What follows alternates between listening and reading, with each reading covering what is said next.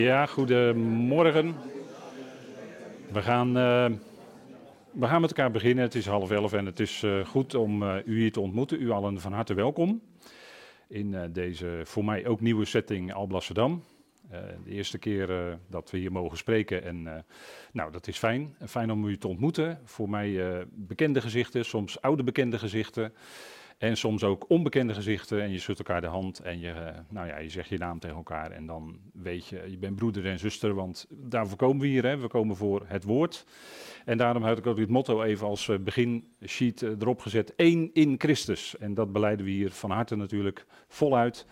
Um, ieder die die geest ontvangen heeft, die is één in het lichaam van Christus en dan bestaan er helemaal geen muren natuurlijk. Kom, kom, daar gaan we niet aan doen hè. Nee, het is, we zijn één in Hem en uh, we willen vandaag zingen. Daar beginnen we mee. In ieder geval gaan we met elkaar zingen zometeen. En daarna gaan we Gods woord openen, van daarvoor bent u hier gekomen. En uh, u heeft misschien het thema al even zien staan. We gaan vandaag verder, of heeft u dat op internet gezien? We gaan vandaag verder met uh, het geloof van.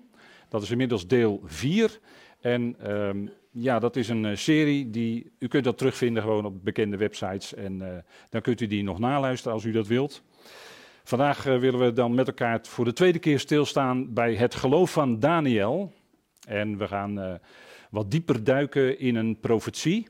En ehm, misschien zult u hier en daar uw wenkbrauwen fronsen of optrekken van wat is dat allemaal. Maar wees een bereer zou ik zeggen, hè? wees een bereer. De Bereërs eh, in Handelingen 17 werden ze genoemd. Ze gingen dagelijks na in de schriften of deze dingen ook zo waren. Nou, ik zou zeggen, wees een Bereer en zoek het na en check aan de hand van de schrift, want daar gaat het uiteindelijk allemaal om. Met elkaar te beginnen met gebed. Zullen we dat doen? Vader, wij danken u dat we op dit moment hier zo bij elkaar mogen zijn en uw woord willen openen. Dank u wel dat u door uw geest ons daarin wilt leiden. Dank u wel dat u ons zo samenbrengt in die ene naam, we danken u dat we verbonden zijn in Christus Jezus, leden zijn van het lichaam van Christus. Dank u wel dat we zo ook deze ochtend een moment mogen hebben om met elkaar die geweldige woorden van u te overwegen. En mag het in ons hart dat werk doen wat u behaagt, Heer. Dank u wel dat we van u zijn, dat u uw geest in ons hebt gegeven. En we bidden u ook om de geest van wijsheid en onthulling in de erkenning van u. Omdat we die geheimenissen van uw woord, de diepere dingen mogen verstaan, Heer. En dank u wel dat u ons al veel heeft gebracht. Doordat we oren hebben gekregen die geopend zijn.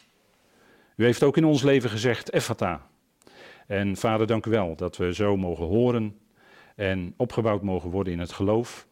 En ons gebed is dat we ook vanmorgen dit mag zijn tot lof en eer en verheerlijking van uw naam. Daar dank u voor in de naam van uw geliefde Zoon, onze Heer, Christus Jezus. Amen. Goed, we gaan eh, met elkaar de schrift openen.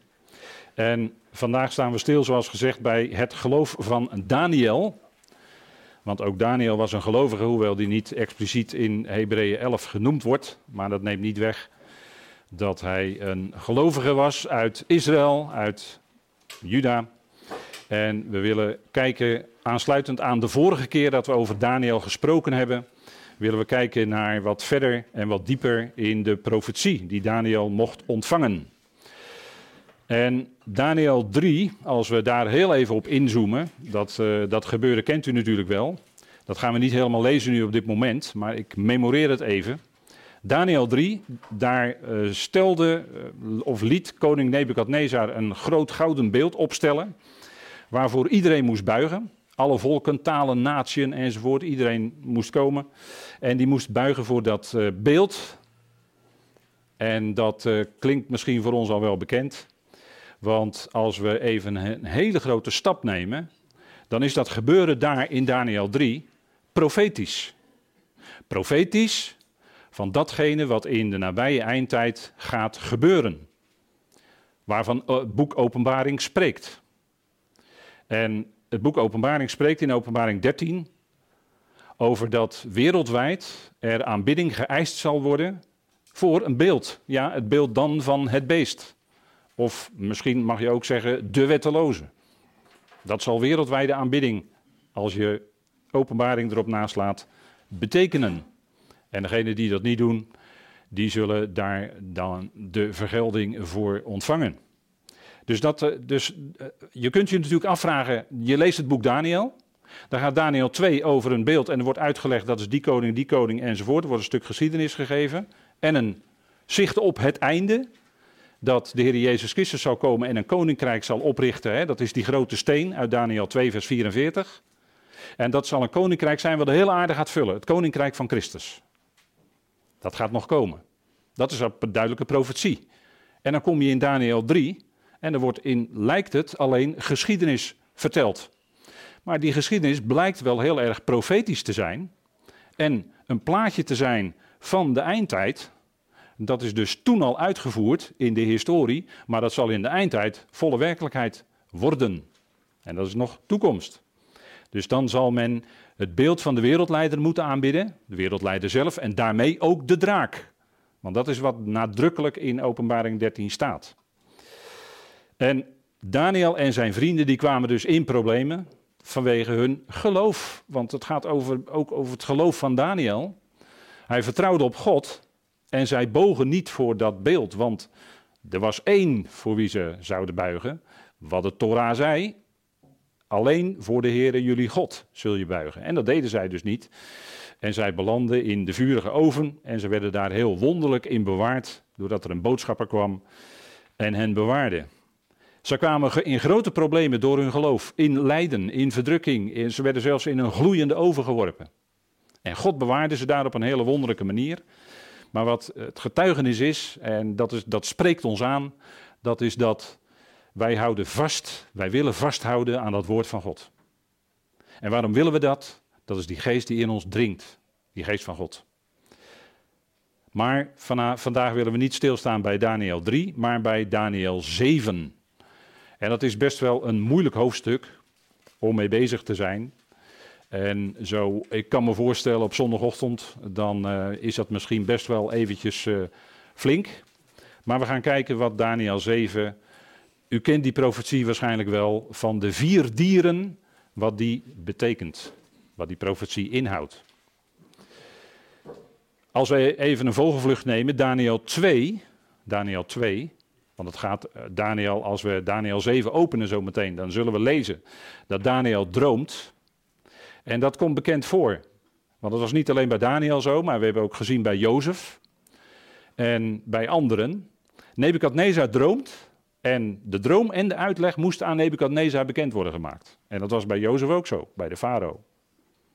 En in Daniel 4 zien we dat Nebukadnezar opnieuw droomt. U weet wel, die, grote, die boom die heel groot wordt. En waarin in de takken gaan de vogelen van de hemel gaan nestelen. En dat is ook zo'n hoofdstuk waarvan je denkt, wat moet ik ermee? Maar dat blijkt profetisch te zijn. Ik geef het alleen maar even aan. En Daniel 7, dan gaat Daniel zelf dromen, s'nachts. En hij krijgt dan visioenen te zien. En dat heeft hij opgeschreven. En daarom hebben we dit nog. Hè? Dat is uh, de schrift die betrouwbaar is overgeleverd. En we lezen dan in Daniel 7, vers 1. En ik heb het. En, uh, de meeste teksten heb ik uh, hier voor u uitgeschreven. Dus u kunt hier meelezen of in uw Bijbel natuurlijk. En er staat in jaar 1 van Belshazzar, koning van Babylon. Neemt Daniel een droom waar en visioenen van zijn hoofd op zijn bed. Dus ik heb het wat letterlijk vertaald. Hè? En wat droomt Daniel dan? En we moeten even opletten dat hier staat in jaar 1 van Belshazzar, de koning, dat is de opvolger van Nebukadnezar, neemt Daniel een droom waar en hij ziet visioenen. En wat ziet Daniel dan? Dan schrijft hij de droom die hij had waargenomen en zegt de samenvatting van de zaken. En u ziet hier in de tekst een tussenvoeging met een zeventje en een nulletje. Dit is de tekst die uit de Septuagint komt en dus aanvult op de, uh, laat ik maar zeggen, de reguliere Hebreeuwse tekst. Dus dan weet u waar het vandaan komt. Hij schrijft het op en de dingen die hij had waargenomen en hij zegt de samenvatting van de zaken. En dat vinden wij dus in deze boeiende profetie van Daniel 7. En als we het hebben over Daniel 7, dan wijst dat nadrukkelijk naar de toekomst. Het is niet zo dat het alleen historie is, dat Daniel dit gezien heeft en wat mooi dat hij het opgeschreven heeft.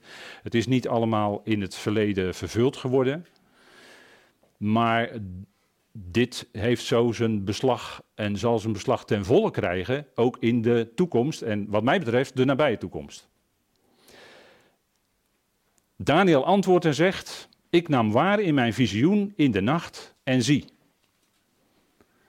Dus Daniel was een profeet. En dat, uh, nou ja, u weet dat dat betwist wordt, maar Daniel is een profeet, dat zegt de Heer Jezus, dus dan weten we genoeg. Hij schreef ook profetisch. Zijn hele boek is in feite profetisch. En hij ziet hoe niet alleen dingen zich ontwikkelen in de wereld op een bepaalde manier, maar hij ziet ook dat daar God daar een ja, recht over gaat spreken. God zal recht doen. Hij, er zal een rechtszitting ook komen. En die wordt dan genoemd uh, in, in de gebruikelijke vertalingen. Ziet Daniel dan, zoals het vertaald is, helaas, de oude vandaag, maar dat is eigenlijk de overzetter vandaag. Of je kan ook vertalen de beschikker vandaag. Dat is meer vanuit de grondtekst. En wat ziet Daniel dan in zijn visioen? Wat zag hij? De vier winden van de hemelen zwepen de grote zee op.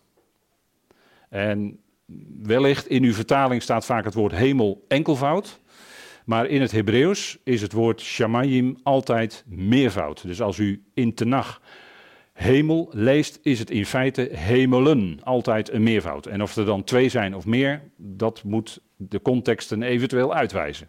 Dus vandaar dat ik hier ook aangeef, de vier winden van de hemelen zwepen de grote zee op. En dan kun je natuurlijk afvragen, ja, wat zag Daniel dan? Waarom staat dit hier zo? Nou, dat woord wind, dat, dat, dat weet u waarschijnlijk ook wel, dat is het woord ruach in het Hebreeuws. En dat wordt bij gelegenheid ook met geest vertaald. en als je het even terugbrengt tot de kern is het roeg. En dan heeft het te maken met geest, dat is in beweging gezette lucht. Roeg, dat, daar hebben wij ons woord, waarschijnlijk ons woord ruiken nog van. Want als je ruikt, dan haal je adem in en dan zet je ook daarmee tegelijkertijd beweging in, of, uh, lucht in beweging. Dus dat is, dat is ook wat geest is. Hè? Geest is altijd, de geest van God is altijd die bewegende kracht van leven, van denken, van zijn. En het woord wind dus, en dat geldt in het Grieks uh, ook zo. Uh, in het Grieks is het woord pneuma. En dat kan zowel geest betekenen als bij gelegenheid ook wind. En dat is dus vanuit het Hebreeuws precies eender. Dus de vier winden, dan denkt iemand die dat Hebreeuws weet, denkt, hey, de vier winden, geesten. Er gebeurt iets geestelijks, want wind kun je niet waarnemen. Je kunt alleen maar de uitwerkingen van zien in de natuur, in de bomen, als de wind waait. Maar je ziet de wind zelf niet. Dat is precies een uitbeelding van geest, dat zei de Heer Jezus ook. Dus hier gaat het om iets geestelijks wat hier gebeurt. En die zwepen de grote zee op. De grote zee. En om u mee te nemen, alvast kan ik zeggen dat die grote zee in feite staat voor de volkeren, de volkerenzee. Leest u maar in openbaring erop na. Dat, is, dat blijkt volkeren te zijn. En er gebeurt dus iets met die volkeren. En wat ziet Daniel dan? Hij ziet vier monsterlijke dieren. Vier monsterlijke dieren. Dieren zoals je nog nooit gezien hebt. In feite is het woord eigenlijk een levende, een levende, dat is eigenlijk het grondbegrip. Maar uit de tekst hier wordt duidelijk dat het daadwerkelijk, wat Daniel zag, waren dieren, maar dan heel specifiek. Die zagen er heel wonderlijk uit. Vier wonderlijke, levende, en dan mag je tussen haakjes zetten, wezens. En dat blijken dieren te zijn. Vier monsterlijke dieren komen op vanuit de zee, verschillend van elkaar. En het, het beeld is hier dat die dieren, dat lijkt voor ons als we lezen in Daniel 7 in tijdvolgorde te zijn. Maar in feite blijkt, ook uit het verdere stuk van Daniel 7, dat die dieren er allemaal, en wat ze ook voorstellen vooral natuurlijk, dat die er allemaal in een bepaalde tijd er allemaal tegelijkertijd zullen zijn, nog zullen zijn, moet ik zeggen. Dus het lijkt alsof het chronologisch elkaar opvolgt, omdat het zo stuk voor stuk beschreven wordt. Maar in feite moet je dat zien als iets dat tegelijkertijd, zeker in de eindtijd zal zijn. En u ziet hier, nou ja, een leeuw, een beer, een, wat is het, een luipaard, een panter en een afschrikwekkend beest, wat hier door de, de betreffende tekenaar zo is voorgesteld. Uh, ja, dat ziet eruit als een, uh, als een dino, hè? als een, uh, hè, hoe noem je zo'n beest? Een dinosaurus of een Tyrannosaurus rex of zo. Zo'n soort achtig beest is dat. In ieder geval, maar het heeft allemaal zo zijn betekenis natuurlijk. Hè? En in vers 4, daar zien we dan dat eerste dier. En als je de tekst naloopt, dan blijkt het te zijn. Je kunt het vertalen als, en zo is het vaak vertaald, sorry dat ik af en toe toch die vertaling aan moet stippen. Maar je kunt vertalen hier als eerste, maar het Hebreeuwse woord wat daaronder ligt, wat, we, wat vaak met eerste vertaald wordt, dat kun je ook, eh, wordt ook vaak vertaald met oostelijk. En dat is hoe de Oosterling ook denkt. Als je in Jeruzalem bent en je moet eigenlijk de positie nemen vanuit Jeruzalem.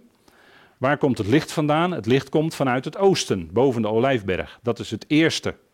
Daar is, dat is dus het oosten, is het eerste.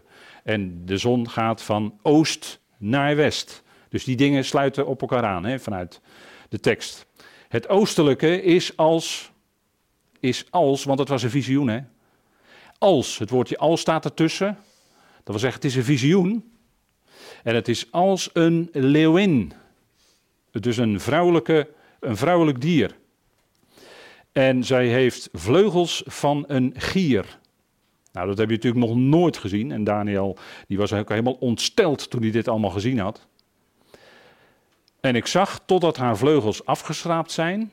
En zij wordt vanaf de aarde geheven en is op haar voeten gezet als een sterveling. En het hart van een sterveling is haar geschonken.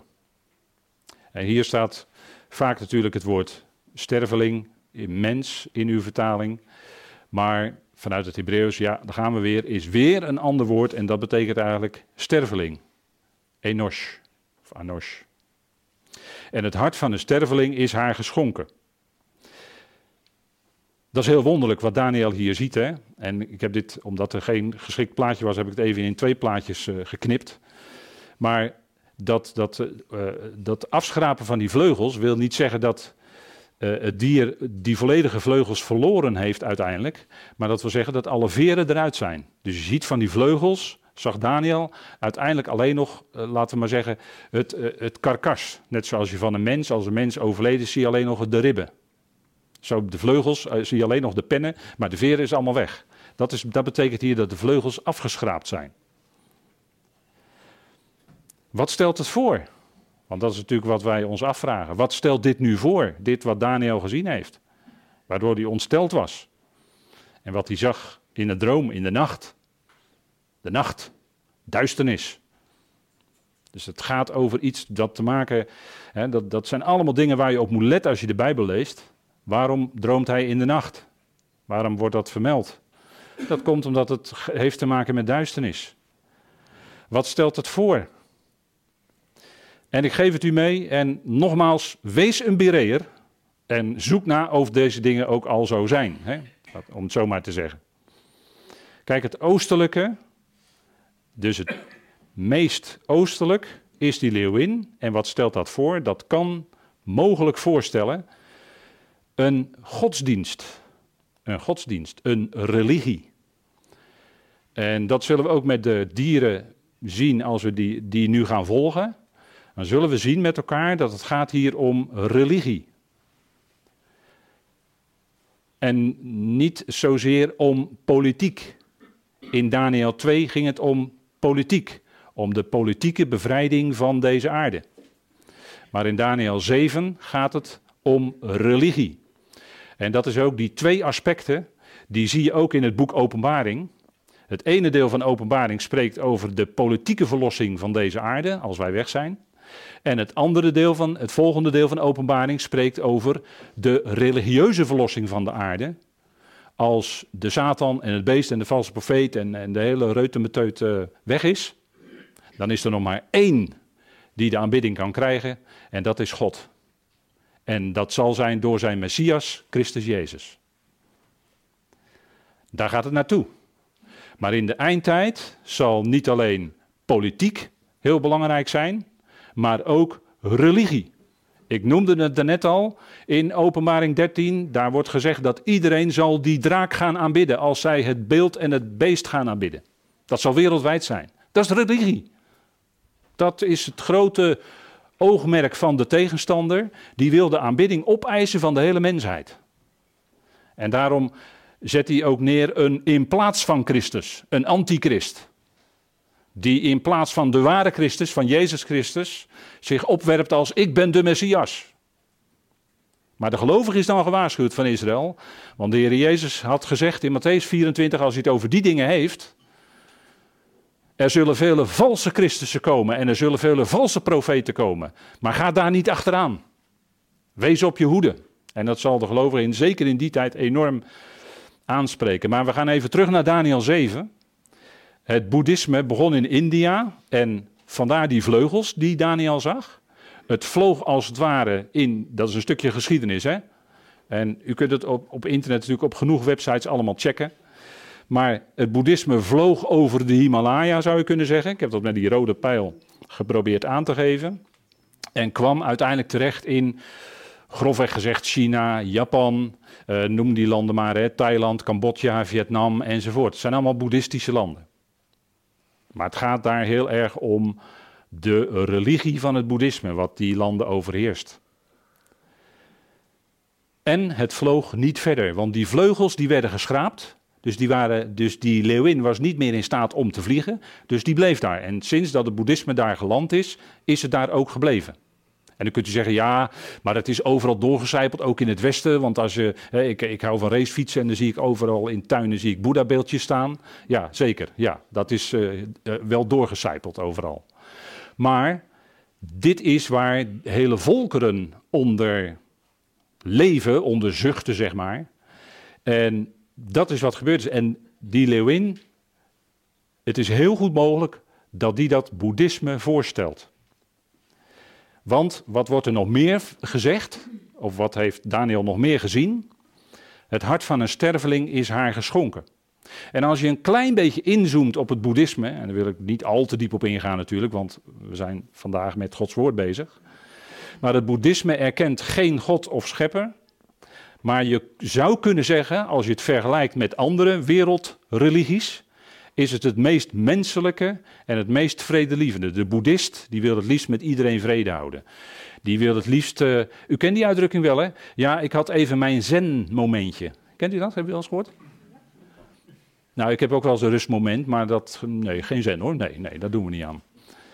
Maar het is het meest menselijke, vredelievende, en de boeddhist is erop uit, in principe, dat is, dat is de leer, hè, om goed te handelen. Het gaat heel erg om de ethiek. Heb ik nou het goede gedaan? En misschien spreken ze ook wel over karma. Hebben we ook wel eens van gehoord, karma? Ja. Dus evenwicht, hè? Yin en yang, alles moet in evenwicht zijn, karma. Is belangrijk en men wil zich verheffen tot men in het, laten we zeggen, in het nirvana is opgegaan, het niets. En eigenlijk wil de boeddhist een situatie bereiken dat hij zich helemaal niet meer laat, ja, laat, uh, laat bewegen door tegenslag of door dingen die meezitten. Uh, een boeddhist is, als, hij een hoger plan heeft bereikt, is hij een, soort, een soort van stoïcijns geworden. Hè? Dat, dat, ja. Men is in feite zelf God, want het draait alleen maar om de mens in het boeddhisme. Het draait alleen maar om de mens. Wat ik doe ten opzichte van die andere mensen, wat die ten opzichte van mij doen. Maar God, nee. nee eh, zoals wij die uit de schrift kennen, de God en Vader van Christus. Nee, is niet in beeld. Absoluut niet.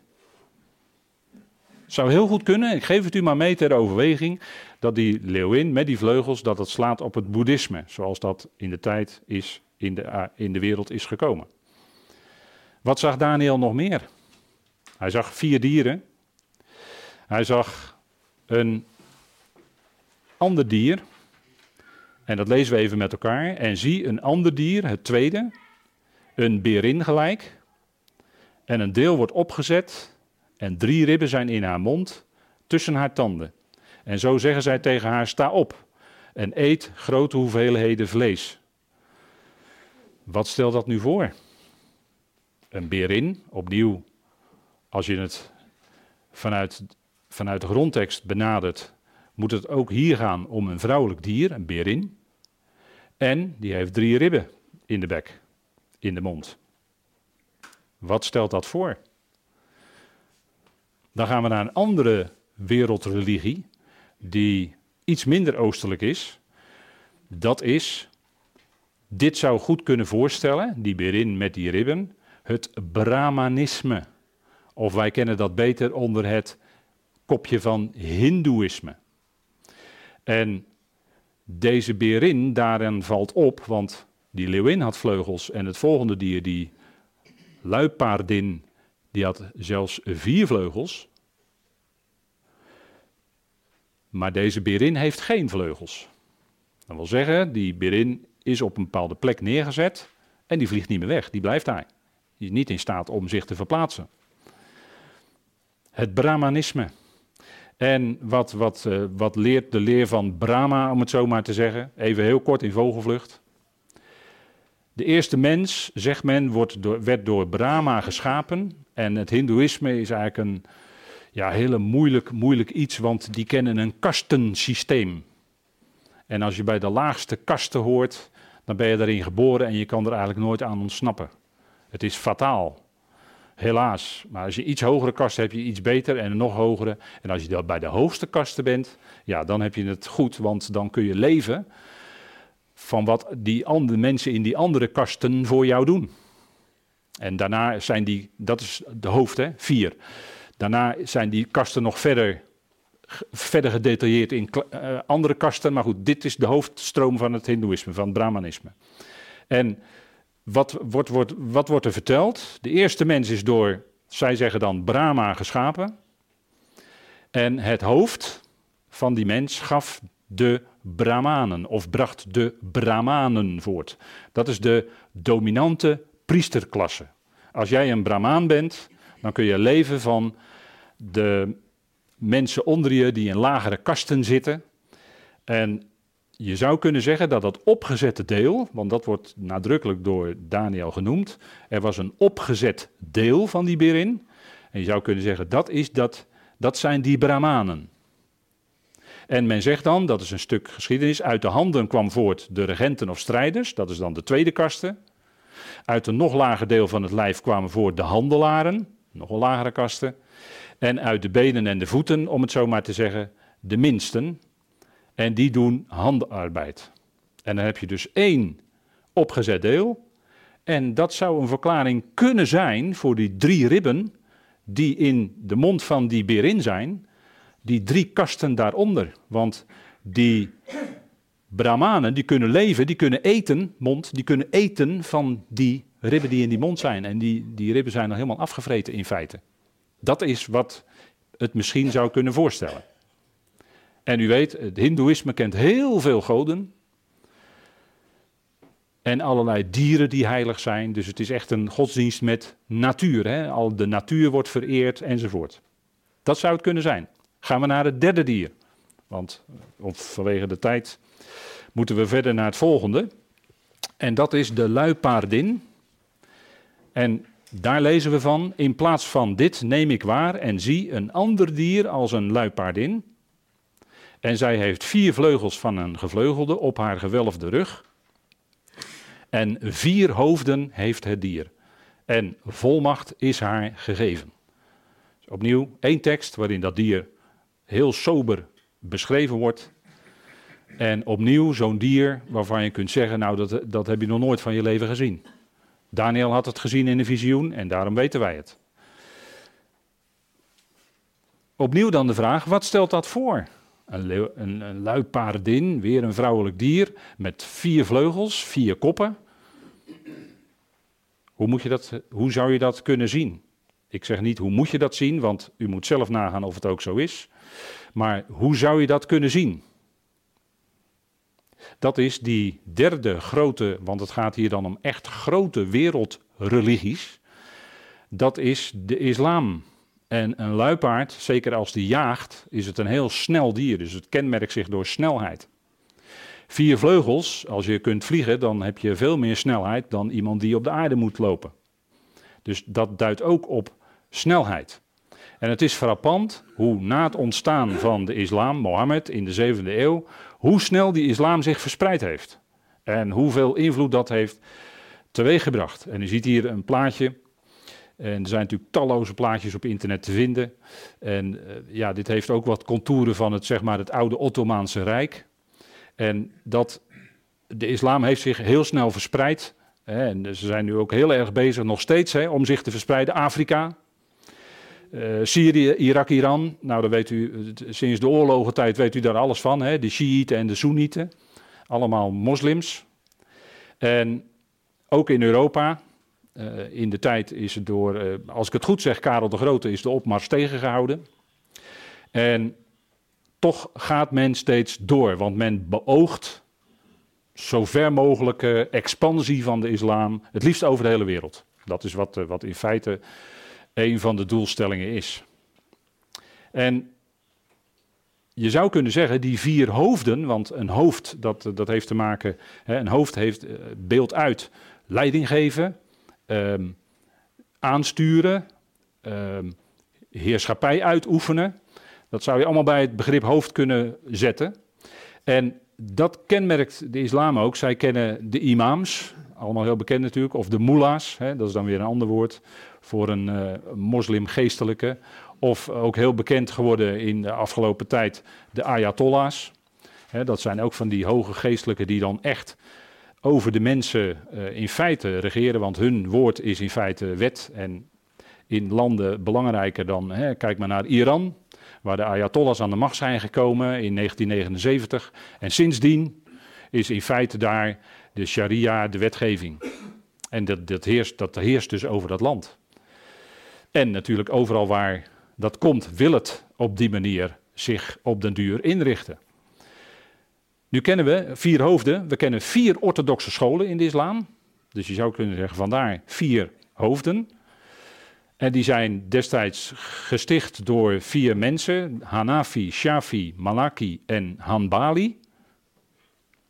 En ja, ik laat het hierbij. U kunt op internet veel uitgebreidere info vinden. En er wordt van gezegd: en volmacht is haar gegeven. En dat woord volmacht heeft te maken vanuit um, de grondtekst met uh, ook heerschappij uitoefenen over. Je zou er ook het begrip jurisdictie bij kunnen zetten. En het kenmerkt zich, deze religie kenmerkt zich doordat ze heel, heel sterk politiek gericht is. Waar men wil komen, wil men ook gaan heersen uiteindelijk. En, en dat is wat je gewoon in de loop van de geschiedenis kunt aanwijzen. Dus die luipaardin, daarvan zou je kunnen zeggen dat symboliseert de religie van de islam. En dan hebben we de drie grote wereldreligies te pakken: het boeddhisme, het hindoeïsme en de islam. En dat is van oost naar west, als je op de wereldkaart kijkt. Hè? En wat zag Daniel daarna? Daarna zag hij een heel merkwaardig beest. Een soort van uh, Tyrannosaurus rex. En die had tien horens op de rug. We gaan maar even lezen.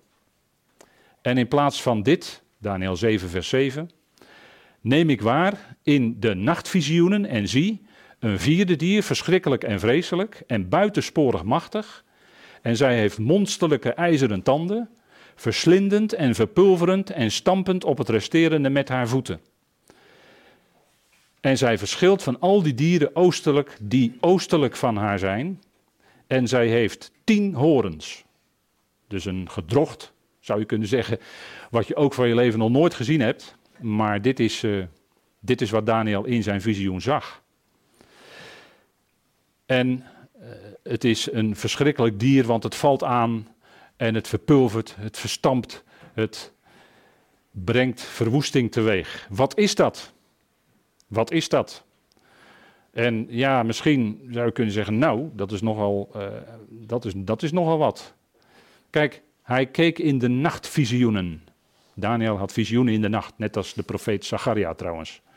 Nachtvisioenen, geestelijke duisternis. We zien een vierde dier wat verschrikkelijk is, wat stamt, wat monsterachtig is, wat verslindend is. En wat je zou kunnen zien, ik geef het mee ter overweging en ik zeg het met, met schroom misschien, vanaf het ontstaan van het staatschristendom, het staatschristendom onder Constantijn de Grote, daarvoor was het anders. Maar sinds dat moment heeft dat staatschristendom zich heel langzaam maar zeker ontwikkeld. En dat is natuurlijk honderden, honderden, honderden jaren overheen gegaan. Tot datgene wat Daniel ziet. En dan zegt u, nou, daar schrik ik toch wel van. Want dat is nogal wat. Dat is nogal wat. Maar we hebben het hier over, niet over mensen die echt gelovigen zijn, maar het christendom als heel groot, als wat het nu is, in feite vaak alleen maar de vorm. Is er in feite alleen, vaak alleen maar een buitenkant. En als u de geschiedenis naloopt wat vanuit naam van het christendom gebeurd is, en daar wil ik u toch een paar dingetjes van laten zien. Zonder dat we bedoelen iemand te verketteren of wat ook. Dat is absoluut niet de bedoeling. Dus alleen hier gaat het om de uitleg van wat Daniel gezien heeft. Een mogelijke uitleg. Kijk, eh, soms spreekt mensen dat aan, mensen die iets van de Bijbel kennen, omdat zowel binnen de islam als binnen het christendom er het nodige van de schrift zelf aanwezig is. Ja, zeker, zeker. Maar toch vaak verdraaid of verbogen. Of men is afgeweken. En je kunt heel veel sporen van dingen die gezegd worden binnen het christendom, als je dat, dat spoor natrekt vanaf de, de oorsprong waar het vandaan komt, dan kun je zien, precies zien waar afgeweken werd van de schrift. En daar, daar gaat het om. En nogmaals, het gaat er niet om iemand of wie dan ook te veroordelen. Absoluut niet. Het is alleen constaterend, wat heeft Daniel gezien? En het christendom kenmerkte zich, het christendom, hè, en dan kan ik misschien ook zeggen het Christusloze christendom, wat wel een vorm is, maar niet de inhoud Christus heeft. En ik weet wel dat het misschien stellig gezegd is als je het zo zegt, maar toch. Wat denkt u ervan, kruistochten? Ik heb hier een plaatje. Kruistochten, wat denkt u ervan? Bij de eerste kruistocht een miljoen Joden gedood. Wat denkt u ervan? In naam van het christendom, de kruisvaarders. Door de paus erop uitgestuurd. Die niet uh, ten diepste de bedoeling had, misschien, om, ja, misschien wel ook om Jeruzalem te bevrijden. Maar was geopolitiek wat de paus deed.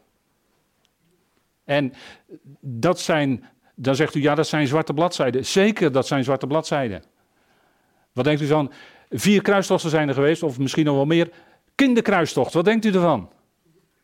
Uit naam van het christendom. Dat is, dat is schokkend. En, en uh, mensen, mensen, eh, Joodse mensen, die, die werden vaak, dat is in de geschiedenis vaak gebeurd. Joodse mensen werden vaak aan de buitenkant in naam christen. En ze werden gedwongen om zich te laten dopen. En dan waren ze christen voor de, voor de kerk. Maar in, in wezen werden ze het niet. Maar ze deden het maar om, om mee te kunnen in, laten we zeggen, de vaart van de volkeren of zo. En ketters, wat denkt u van ketters op de brandstapel? en het gaat er niet om, om makkelijk nu achteraf met een vingertje terug te wijzen. Dat, dat bedoel ik helemaal niet. Maar ik wil u alleen maar aangeven, aangeven hoe het gelopen is in de loop van de tijd. En, en als, je, als je inzoomt op wat het christendom, ja, wat, wat er allemaal gebeurd is. En vandaar ook dat er staat, en zij verschilt van al die dieren die oostelijk van haar zijn. Kijk, als het gaat om ketters, dan noem ik bijvoorbeeld iemand als John Wycliffe. En dat is een voorbeeld van geweld in naam van het christendom. John Wycliffe, die was bijbelvertaler en die wilde de bijbel graag bij de mensen brengen. Die leefde in de 14e eeuw, was een voorloper van Maarten Luther in feite. Die wilde ook al. En zo waren er andere, Tyndale enzovoort. Hè. Er waren voorlopers, zoals we dat dan zeggen, voorlopers van de Reformatie. Nou, daar was, uh, Wycliffe was er eentje van. En je had, je had er nog meer natuurlijk. Hè. Maar hij wilde de Bijbel bij de mensen brengen. Want weet u, de Bijbel, De Bijbel, die stond op de index. En weet u wat de index was binnen de kerk? Dat was de lijst van verboden boeken. De mensen waren leken, die mochten geen Bijbel hebben thuis. Dat was het christendom. Zonder Bijbel. Dus die Wycliffe die zag dat. En die wilde die Bijbel gaan vertalen, wilde bij de mensen brengen. Mensen hebben recht op Gods woord in hun handen. Dus dat ging toen al ritselen. En wat gebeurde er vervolgens? John Wycliffe werd ter dood veroordeeld. En ter nauwe nood, u kunt het zo natuurlijk allemaal uitgebreid, veel uitgebreider vinden. Ik heb het hier even samengevat. Hij, stierf, hij werd ter dood veroordeeld, maar men kwam nog op net tussen beiden en hij stierf door een beroerte. En weet u wat er toen gebeurde? Toen later kwam er nog een kerkelijk concilie. Toen hebben ze hem opgegraven, notabene, vele jaren later. En hebben hem en zijn stoffelijke resten alsnog verbrand. Uit naam van dat concilie. Dat is gebeurd. Samen met Johannes Hus trouwens. Ook verbrand. Kwam ook op de brandstapel terecht. En dat had met Gods woord te maken. Met Gods woord willen neerleggen. En, en dan zegt u, ja, dat is allemaal niet zo prettig. Nee, maar het is wel gebeurd dit allemaal. En nog veel meer. En ja, we kunnen natuurlijk ook heel recent gaan kijken. Wat gebeurd is in de Tweede Wereldoorlog. En waar theologie wel degelijk een grote rol heeft gespeeld hoor. Luther, wat denkt u ervan? Aan het eind van zijn leven zijn tafelgesprekken, wat hij zei over de Joodse mensen. Wat denkt u ervan? En wat er daarna gebeurd is? Dat is onvoorstelbaar natuurlijk. En op de koppels van de Duitse soldaten stond toch God mit uns? Ja, dat zijn allemaal, dit zijn allemaal de feiten, hè? Dit zijn geen bedachte dingen of zo, maar dit zijn de feiten. Zo, dit kunt u allemaal nagaan. Dit is geschiedenis. En dan krijgen we een beetje door die contouren van wat, van wat hier naar voren komt. Hè? Waar, waar mogelijk dat vierde verschrikkelijke dier dan op kan wijzen. En wat denkt u in het nog recentere verleden?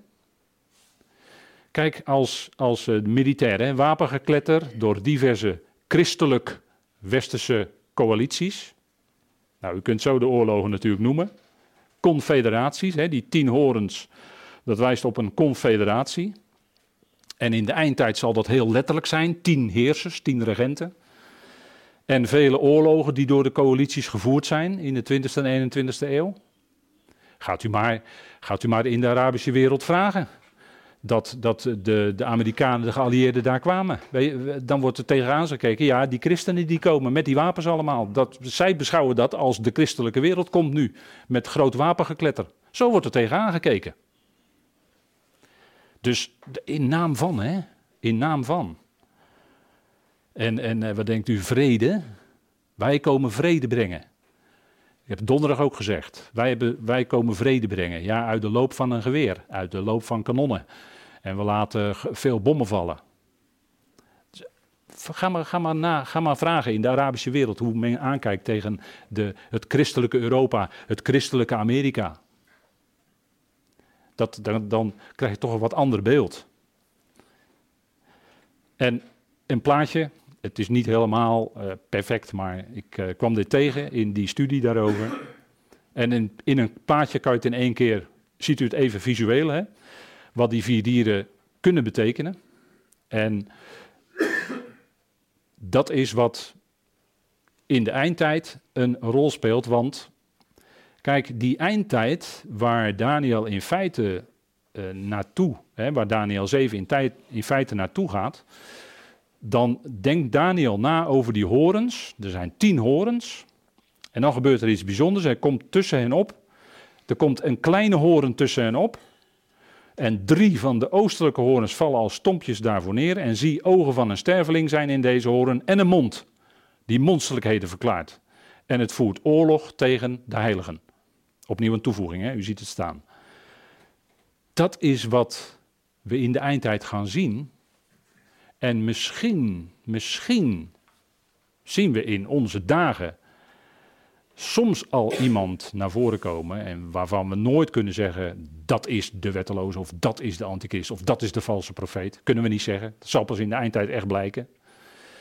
Maar wat er gebeurt in deze dagen is dat mensen in bepaalde geledingen hun mond openen. En dan moet je, als je dat hoort, moet je toch direct hieraan denken. Dat ze hun mond openen tegen de Allerhoogste. En dan denk je direct van, dat moet je niet doen. Dat moet je niet doen. Want daar, dat, dat, gaat, dat gaat niet zomaar. Een mond die monsterlijkheden verklaart. En het voert oorlog tegen de heiligen. En de heiligen is natuurlijk Israël. Dat, dat kan niet missen. Het voert oorlog tegen de heiligen. Dat is precies wat we in andere profetieën ook aantreffen. Het voert oorlog tegen de heiligen en krijgt zelfs de kans om die heiligen te overwinnen, tijdelijk. Dat is de eindtijd en dan komt ook het gericht. Toen ik begon te spreken, toen refereerde ik daar even aan. De tronen worden gezet, dat zag Daniel in vers 9 en 10. En ik vat het hier even samen. De tronen worden gezet. De beschikker of overzetter van dagen, die zit op de troon. En vuur gaat uit van de troon. Dat wil zeggen, gericht. Vuur betekent hier gericht. Er gaat een gericht plaatsvinden.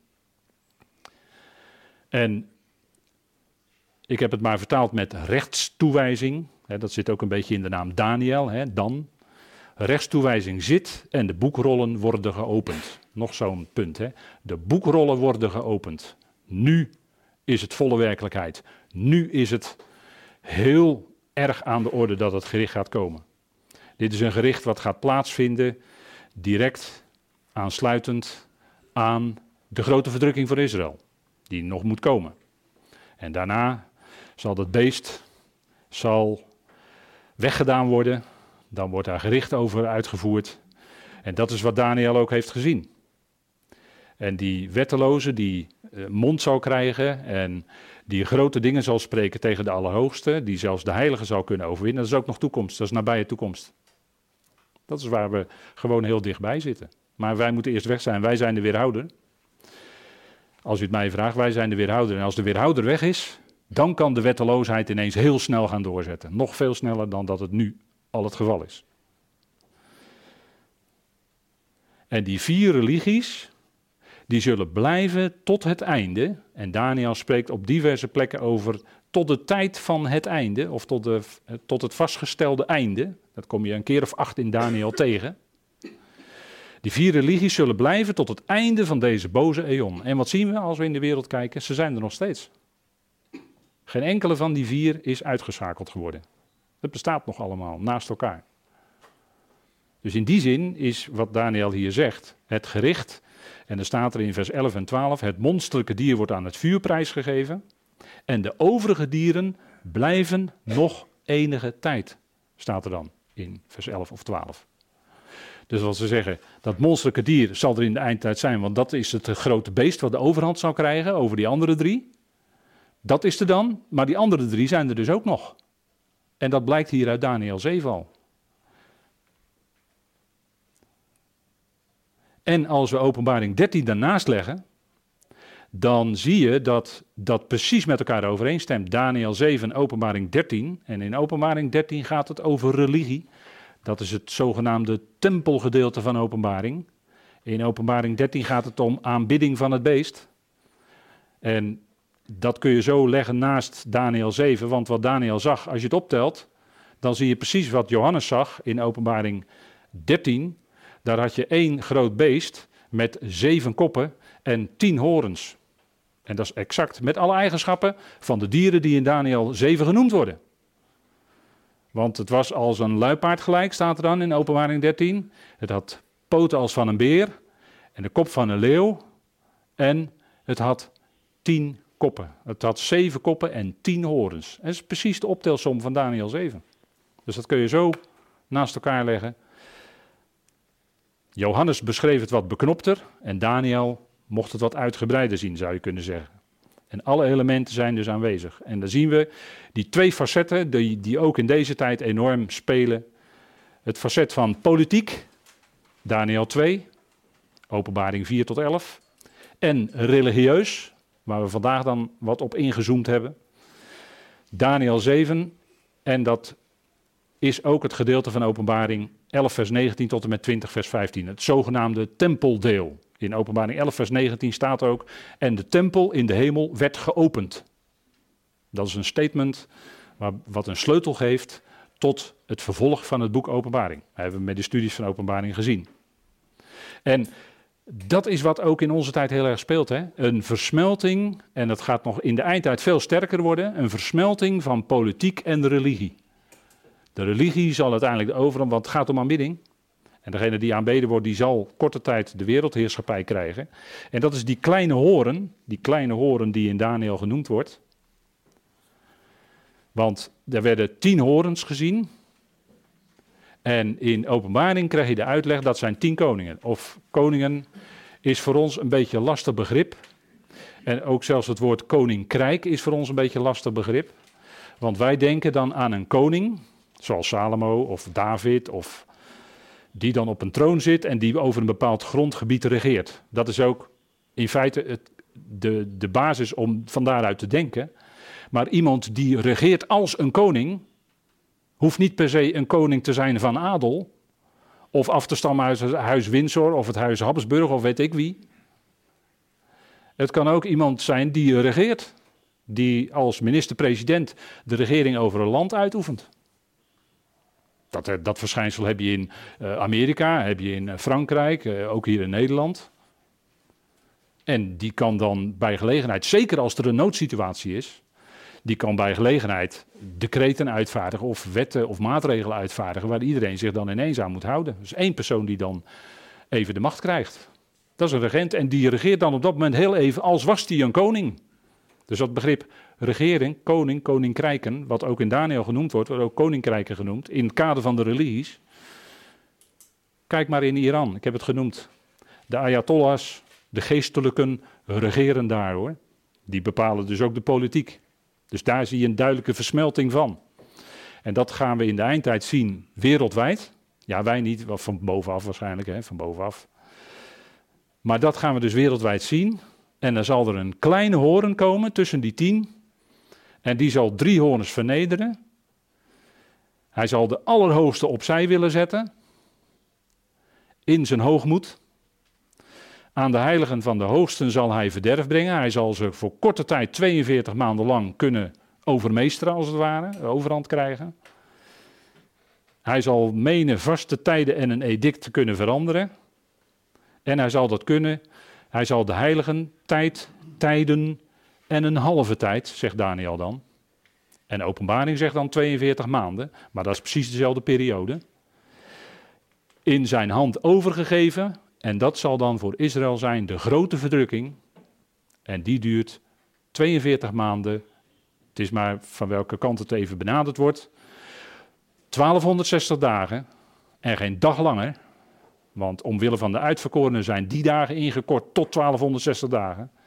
En dan zal het voorbij zijn. Dan zal hij ter gelegenheid van de verwoesting van Jeruzalem zal de Heer zijn voeten zetten op de Olijfberg. Naar Zacharia 14. Hè? Dat is wat in de toekomst gaat gebeuren. Want u vraagt zich misschien wel zo, dit is heel wat, maar hoe loopt het af? Nou, kijk, uh, we weten, uh, het is een gevleugeld gezegde, eind goed, al goed. Ja, dat is ook zo. En dat is bij God ook zo. Als het helemaal goed is, dan is Gods plan helemaal voltooid. Is het nog niet helemaal goed? Oh, is Gods plan nog niet af. Het gebouw, het gebouw van Gods plan staat nog in de stijgers. En zolang die stijgers er zijn, is het plan nog niet af. Pas als de stijgers weggehaald worden, dan is een geweldig gebouw, een hele nieuwe schepping. En dan zal God zijn, alles in alle. Ja, dan is het helemaal goed. En dan zal iedereen erbij zijn. Ja, zelfs die wettelozen. Zelfs die tegenstander van God. Die zullen ook hun knieën buigen en beleiden dat Jezus Heer is. Wat zal dat een geweldig moment zijn. Als zelfs de grootste vijanden door God veranderd zijn in vrienden. Dat is natuurlijk geweldig, hè? Dat is wat God doet zegt hij, ja, dat is onmogelijk. Ja, wacht even. Zou er iets onmogelijk zijn voor God? Bij hem zijn toch alle dingen mogelijk? Dat, hè, voor God is niets te wonderlijk. En dit is, hier gaan we naartoe voor wat betreft deze Aion, hè, deze boze Aion. De Messias Jezus, Jaweh die zij doorstoken hebben, komt en hij zal zijn naar de schrift koning van de koningen en heer van de heren. Dan zal een geweldige tijd aanbreken. Dan zal hij de shalom voor Israël verdedigen met een ijzeren roede. En dan zullen de volkeren moeten komen en elk jaar Uh, drie keer per jaar optrekken voor de feesten, het Loofhuttenfeest vieren enzovoort. Binnenkort trouwens weer, het is vandaag, uh, dat zei van de week Siem Tom tegen me. Het is vandaag 17 september Yom Teruah. Dat betekent, het is Rosh Hashanah, nieuwjaar. En dat betekent ook dat ze over tien dagen hebben ze Yom Kippur, de grote verzoendag. Geweldig beeld natuurlijk van de verzoening die later werkelijk door de Heer tot stand is gebracht. En dan begint ook gelijk Sukkot, Loofhutten. Dus daar gaan we naartoe. Hè. Daar gaat Israël weer naartoe in deze tijd. Hè. Dat zijn de hoogtijden die God ingesteld heeft. En ook die hoogtijden, deze groep hoogtijden, bevatten natuurlijk ook een profetisch plaatje van wat in de toekomst gaat gebeuren. Hè. In het verleden, de, de, de, hoogtijden in het verleden, april, rond april, die wijzen op zijn eerste komst. En de gezette hoogtijden nu, die nu spelen in Israël, die ze, die ze houden, die, spelen, die zijn profetisch en die slaan op deze tijd en daarna. En in de duizend jaren zal het geweldig loofhutten zijn voor Israël. Hè?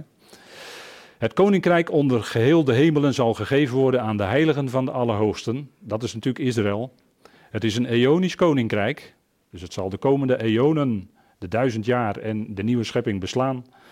En alle volkeren zullen hen dienen. Zij zullen aan de spits van de volkeren staan. Wie? Israël. Jazeker. Maar dan erkennen ze wel Jezus als hun Messias. En dan zo zullen ze aan de spits van de volkeren staan in de komende eonen. Ze hebben enorm moeten lijden, het Joodse volk. En ze zullen nog door een hele moeilijke periode heen moeten gaan. Grote verdrukking zelfs. Maar dan daarna zal het zijn, na lijden komt heerlijkheid. En dat is het geweldige. Dat is het uitzicht wat we hebben. De heerlijkheid komt. En als wij mogen zelfs nog verder kijken, God zal eens zijn. Alles in werkelijk, allen zonder uitzondering. Ja, dat is natuurlijk geweldig, hè? daar gaat het naartoe. En een prelude, iets daarvan mogen wij al beleven. En wij wensen het natuurlijk Israël heel erg toe dat zij straks in die geweldige functie zullen zijn van koninklijk priesterschap. En hem zullen dienen en daarmee de volkeren op een geweldige manier zullen leiden. Dat gaat hij doen. En uh, hierbij wilde ik het laten voor vandaag, want uh, het is alweer de hoogste tijd, zie ik. En ik wil afsluiten met een dankgebed. Vader, wij danken u dat we een moment stil konden staan bij profetie. Een profetie die moeilijk misschien te verklaren is. Maar dank u wel dat u dingen aanreikt en dat we zelf de dingen na mogen gaan of ze ook zo zijn. We danken u dat we mogen dat geweldige uitzicht hebben als gelovigen, als leden van het lichaam van Christus, onze heerlijke bediening in de toekomst, boven met Hem en op Israël op aarde straks als leidend volk. We danken u, Vader, dat u dat zo heeft ontworpen in uw plan. Al die dingen, Vader, het kan in geen mensenhart opkomen. Al die geweldige rijkdom aan zegen die u ons gegeven hebt als gelovigen. Het is genade. En we hebben het niet verdiend, maar u schenkt het ons om niet. Vader, dank u wel dat we daarbij mogen leven. Dat u ons geroepen hebt en uitzicht heeft gegeven op een geweldige toekomst. Waarin de Heer alle eer zou krijgen. Uw zoon en daardoorheen uzelf, Vader. Aan u alleen zij alle eer. We danken u daarvoor. We danken u voor uw goedheid, voor ieder die hier vandaag wilde zijn. En mag dit woord dan ook verder doorgaan en levens veranderen, levens opbouwen. We danken u daarvoor in de naam van Hem, van uw geliefde Zoon, onze Heer, Jezus Christus. Amen.